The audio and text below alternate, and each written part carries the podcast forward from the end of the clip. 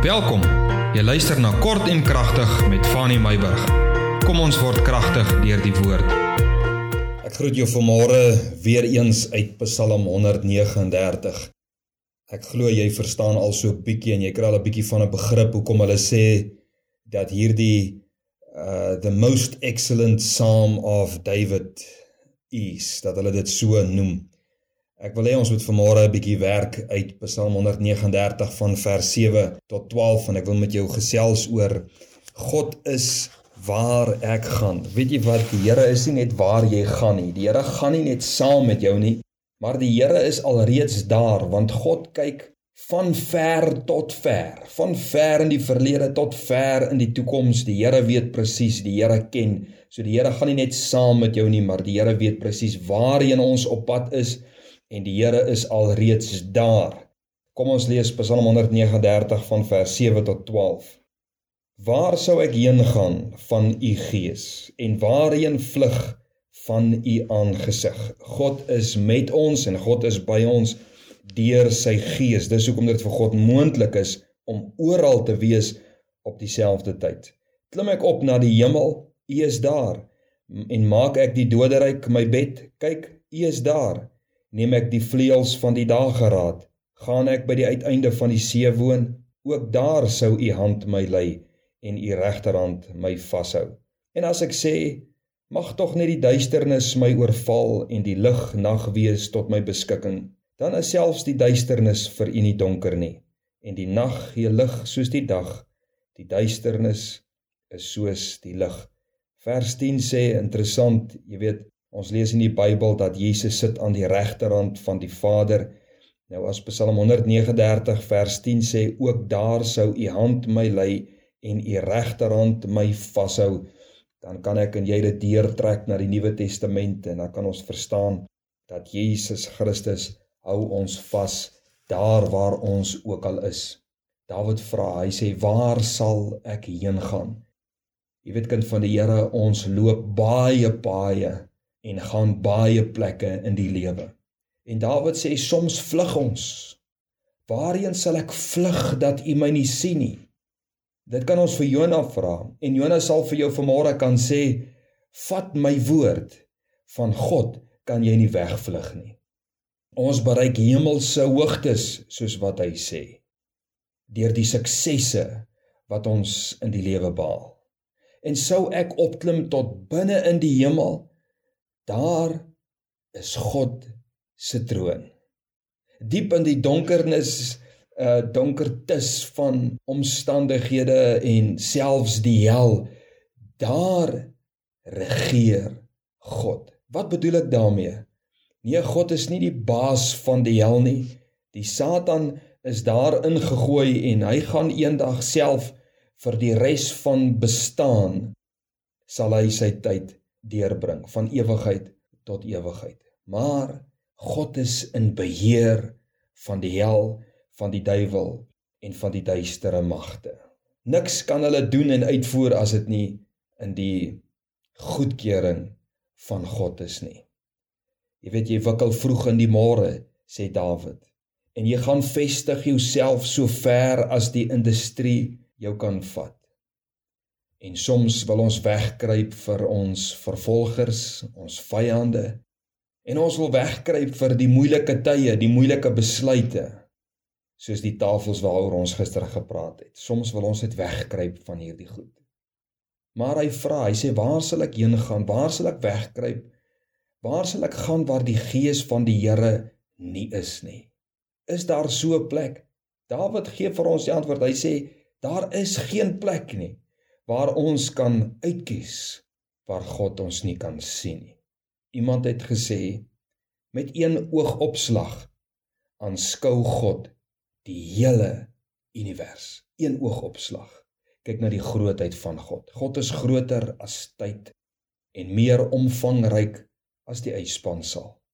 God is die middelpunt van alles en God is die as waarom alles draai.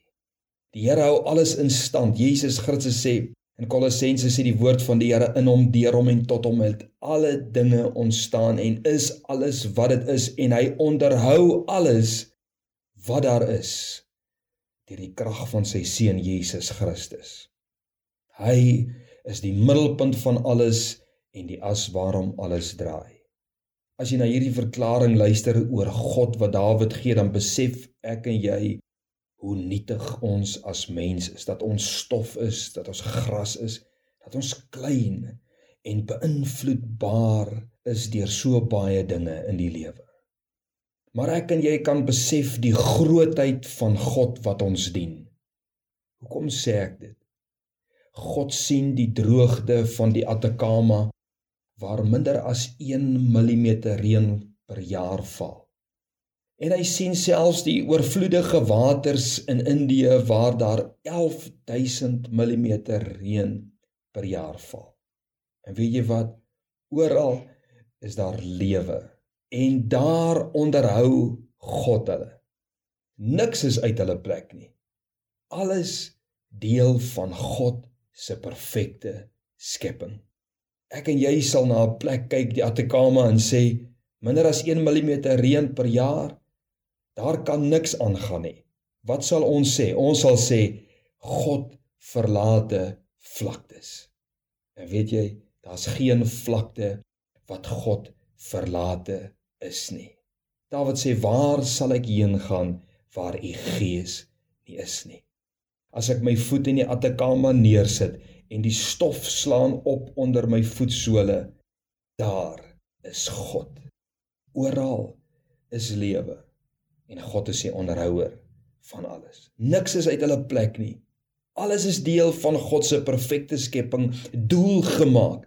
Niks en niemand en geen plek is vir God onbereikbaar nie, sê Dawid. Toe Israel in haar bloed gespartel het, toe sien God en red toe Israel in die woestyn dwaal, toe sien God en hy voorsien. Toe Hosea op sy doodsbed lê, toe die profeet vir hom gesê het jy gaan sterf, toe hoor God 'n man op die sterfbed roep. En die Here gee lewe. Toe Israel se doodsbeendere oor die vlaktes versprei is onder 'n geestelike doodsheid, toe kom God en hy klee en hy wek hulle op. Toe Elia wegkruip, toe voed en bemoedig God hom. Toe Hagar toesien dat haar kind besig is om te sterf, toe antwoord God haar roepstem. En toe die skaap verlore raak, toe sê Jesus: Ek los die wat gered is vir 'n oomblik.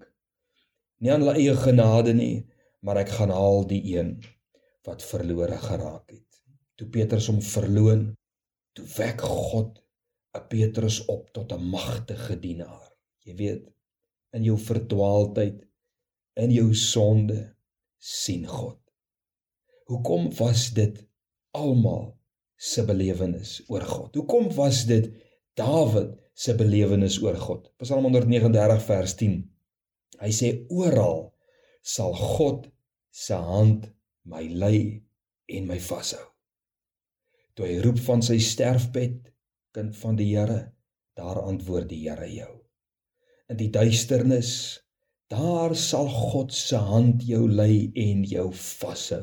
Dat jy nie so bang sal word dat jy weghardloop nie, maar dat die Here vir jou daar sal kom help. En weet jy wat is die mooi Psalm 139 vers 12 en dit is dit gaan my verstand te bowe. Duisternis bestaan nie vir God nie. Hoor wat sê in vers 12, hy sê dan selfs die duisternis vir u nie donker nie. Die nag gee lig soos die dag, die duisternis is soos die lig vir God bestaan duisternis nie. Vir ons is dit donker. Vir God bestaan duisternis nie. God word nie omkant gevang met situasies en gekonfronteer met situasies wat te moeilik is om uit te sorteer en ook nie beïnvloed of beperk deur afstande en noutes en dieptes en hoogtes nie. Al wat ek vanmôre vir jou kan sê, kind van die Here, steek jou hand in die lig op en dien saam met my die Here in eerbied vir sy almag en in die wonder van sy grootheid en tog die teerheid van God.